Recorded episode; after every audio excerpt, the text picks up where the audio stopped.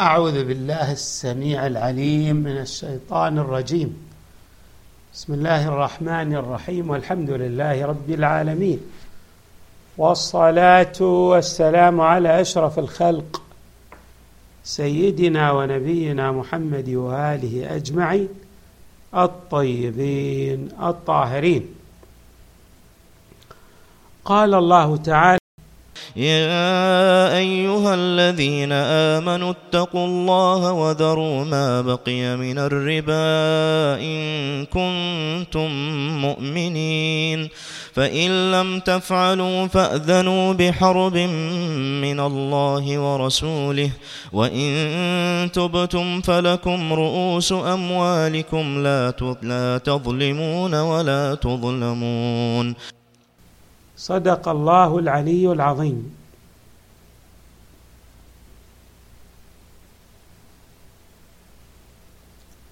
الآية تشرح الآية والآية التي بعدها تشرح حكما اسلاميا هو أن الذين كانوا يتعاملون بالربا كان لديهم أو كان لهم. بعض الأرباح الربوية في أموال وذمم من يتعاملون وإياهم بالربا وأرادوا أن يستوفوا تلك الأموال أن يأخذوا تلك الأموال من أولئك الناس الذين يتعاملون وإياهم بالمعاملات الربوية. ولكن بعد نزول حرمة الربا الله تبارك وتعالى نهاهم عن ذلك. خلاص ما أخذوه من أموال ربوية الله عفى عنه. وأجازه لهم لكن ما بقي لدى المقترضين من زيادات في المال فهذا لا يجوز للمرابي أن يأخذ ذلك. خلاص انتهى. صدرت الحرمة. وأنت لك أموال لك فوائد. بعد ما يجوز تأخذ الفوائد. الفوائد التي استلمتها أخذتها خلاص أصبحت بحكم الإسلام من أموالك. ولكن الأموال الربوية التي بعد لم تتسلمها هذه الأموال لا يسوغ لك لا يجوز أن تأخذها من مقترضين. وقد طبق النبي صلى الله عليه وآله وسلم ذلك. يعني كان للعباس بن عبد المطلب عم النبي صلى الله عليه وآله أموال فوائد ربوية. والنبي صلى الله عليه وآله وضع يعني قال للعباس ليس لك الحق أن تأخذ تلك الأموال التي تتصور أنك أو تتصور أنها لك. بعد نزول الآية لا يجوز لك أن تستوفي تلك الأموال التي ربحتها عن طريق المعاملات الربوية. هكذا أيضا. آه يعني جاء بعض أصحاب النبي صلى الله عليه وآله إلى النبي وقالوا له إن لهم أموال ربوية فالنبي صلى الله عليه وآله قال إنه لا يجوز أخذ تلك الأموال. الخطاب ها هنا في قوله تعالى يا أيها الذين آمنوا اتقوا الله. خطاب للمؤمنين. يا أيها الذين خلاص دخلتم في ربقة الإيمان. ليس فقط الإسلام التشهد بالشهادتين. وإنما أيضا التزمتم من الناحية العملية بأحكام هذا الدين. اتقوا الله. يعني يمكن للإنسان أن يكون مؤمنا ولكنه قد يخرج في بعض الموارد عن دائرة الإيمان. هذا الخروج الله تبارك وتعالى ينهى عنه ويأمر المسلم المؤمن. أن يتقيد بتقوى الله بمعنى أن لا تزل قدما عن الصراط السوي الذي هو التطبيق لمبادئ الإسلام. هنا اتقوا الله إذا ماذا؟ التزام تقوى تعني الالتزام العملي بالواجب والانتهاء عن الحرام النواهي. ولهذا الله تبارك وتعالى يقول وذروا ما بقي من الربا. أنت ليس فقط تترك المعاملة الربوية بل حتى المال الذي اكتسبته عبر معاملة ربوية ولكن بعد لم تستوفي لا يجوز لك أن تأخذه من المقترض. خلاص. الذي أخذته هو لك والذي لم تأخذه فيبقى ملكا للمدين. وذروا ما بقي من الربا. نلاحظ في الآية اولا الخطاب للمؤمنين ثم تقول إن كنتم مؤمنين. الخطاب للمؤمنين واضح أن الإنسان كما أسلفنا قد يلتزم بمبادئ الإيمان ولكنه قد نعم يتنكب الجادة في بعض الموارد الجزئية. الله تبارك وتعالى يلفت انتباه هذا المؤمن على أنه حري به أن لا يتنكب الجادة أن يسير على وفق مبادئ إيمانه. لا يخرج عن هذه المبادئ الإيمانية. لماذا؟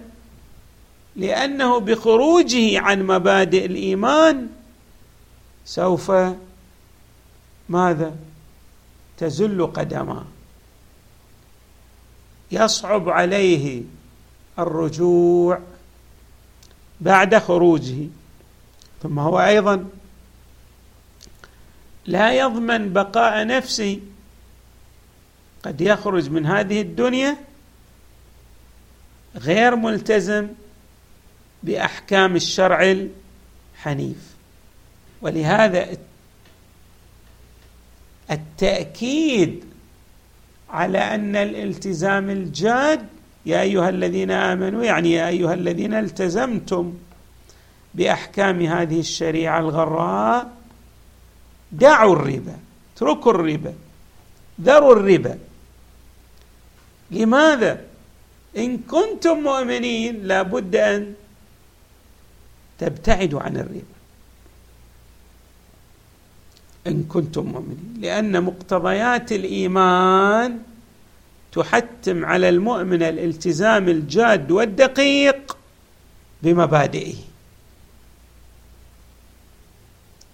في بعض الأحايين نلحظ أن الحكم الإسلامي عندما يشرع من قبل الله تبارك وتعالى يردف ذلك التشريع بتهديد ووعيد لعدم تطبيقه. إما في الآيات القرآنية أو يأتي ذلك التهديد والوعيد في الروايات الواردة عن النبي صلى الله عليه وآله وعن أهل البيت عليهم السلام. هذا التهديد والوعيد. يعطينا عده أمور ويلفت نظرنا إلى مجموعة من الدق من الدقائق الهامة. من تلكم الأمور أن ذلك الحكم من الضروري أن يتجسد واقعا أن يعمل به المسلم. يعني كما نعبر لا مجال للخروج عنه لا مجال لعدم امتثاله لا مجال لتركه. هناك ذلك. عندما شرعت أو شرع حرمة الربا وأمر وأمر المسلم أن لا يرابي فلو راب النتيجة ما هي؟ يعني أقدم على معصية الله. الله تبارك وتعالى يقول فإن لم تفعلوا فأذنوا بحرب من الله ورسوله. هذا شو نسميه؟ هذا سياج. يجعل ذلك الحكم يصعب أن يخترق يصعب أن لا يطبق. ولهذا تجدون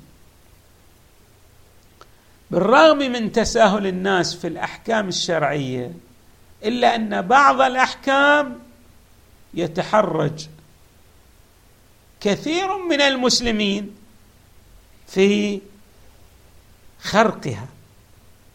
في الخروج عن دائرتها. يعني لا أحد يقول حتى المرابي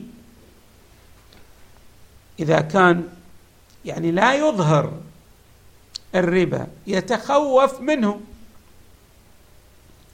أو على الأقل كما نعبر يحاول أن يوجد له طريقا للخروج عن المعاملات الربوية.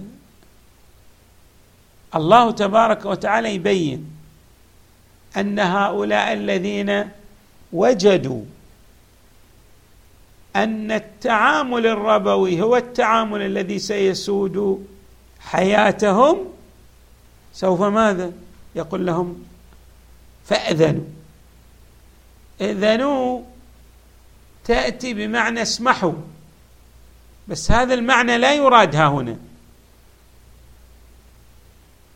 وقيل إن المعنى إذا تعدى الأذن فأذنوا بحرب من الله يعني فاعلموا أنكم في حالة حرب. ولعل المعنى الذي يعطي كلمة فأذنوا هو التضمين كما أشرنا أكثر من مرة. يعني أن الله تبارك وتعالى يضمن. كما نحن الآن في تعاملاتنا نضمن بعض الكلمات معنى آخر مثلا الإذن. الإذن هو السماح ولكن ليس فقط السماح لا. يعني كن يا أيها الذي سمحت أن تكون في قبال الله تبارك وتعالى لأنك تتحدى هذا الحكم الشرعي. فأذن بحرب من الله فأذنوا بحرب من الله ورسوله. يعني كأن كأن عدم التطبيق لحرمة الربا يؤدي بالإنسان أن يصبح محاربا من قبل الله وهو كأنه أيضا في حالة حرب مع الله من الناحية العملية. الله ينهى وأنت تقترف ذلك النهي بإصرار فأنت في الحقيقة في حالة حرب. وطبعا الحرب آه، ليس في سوح الحروب فقط. الحرب مع الله تبارك وتعالى لها معنى أعم وأشمل من الحروب الخارجية. وإن كان على الإمام على القائد الإسلامي أيضا أن يحارب لتطبيق الشرع الإلهي المقدس. معصوم عليه إذا استلم زمام أو زمام الأمور أن يحارب أن يستخدم القوة في تطبيق الحكم الشرعي. يعني لا يسوغ لأحد أن ينتهك هذه الأحكام الشرعية أن يتعدى عليها.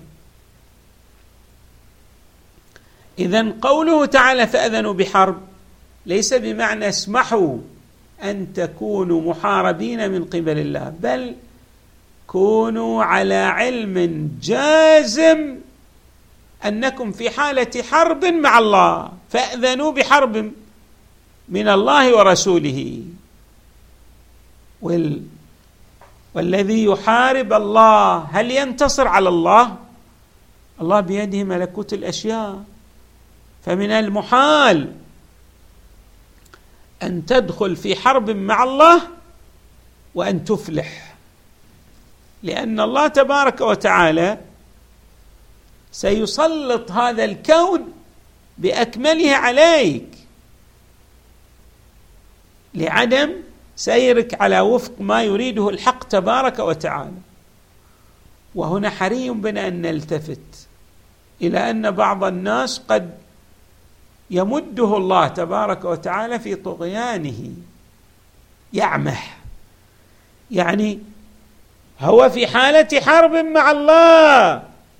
ولكن الله مثلا لا يحرق داره. بل لا يقلل عليه حتى في الرزق والعطايا. لماذا؟ لأن الله تبارك وتعالى عنده قانون اسمه الإمهال. الله يمهل كما نعبر ولكنه لا يهمل ذلك العبد المتعدي على حدوده. فلذلك هنا نجد فأذنوا بحرب من الله. يعني أنت أيها المرابي في حرب مع الله. طيب. ورسوله أيضا النبي فأذنوا بحرب. حرب الله هي تسخير القوانين الكونية ضد هذا الإنسان المخالف لحكم الله. حرب النبي أو الإمام لا. يعني استخدام القوة لفرض التطبيق للقانون. هذا معناه. ثم تختم الآية بقوله تعالى وإن تبتم فلكم رؤوس أموالكم لا تظلمون ولا تظلمون. أما من راب وأكل اموالا ربوية ولكنه يعني أنبه ضميره ذكره وجدانه على أن المسار الذي يسير فيه هو مسار خاطئ فارتدع. ليس معنى أنه شارك بأمواله. في العمليات الربوية أنه يفقد أمواله لا.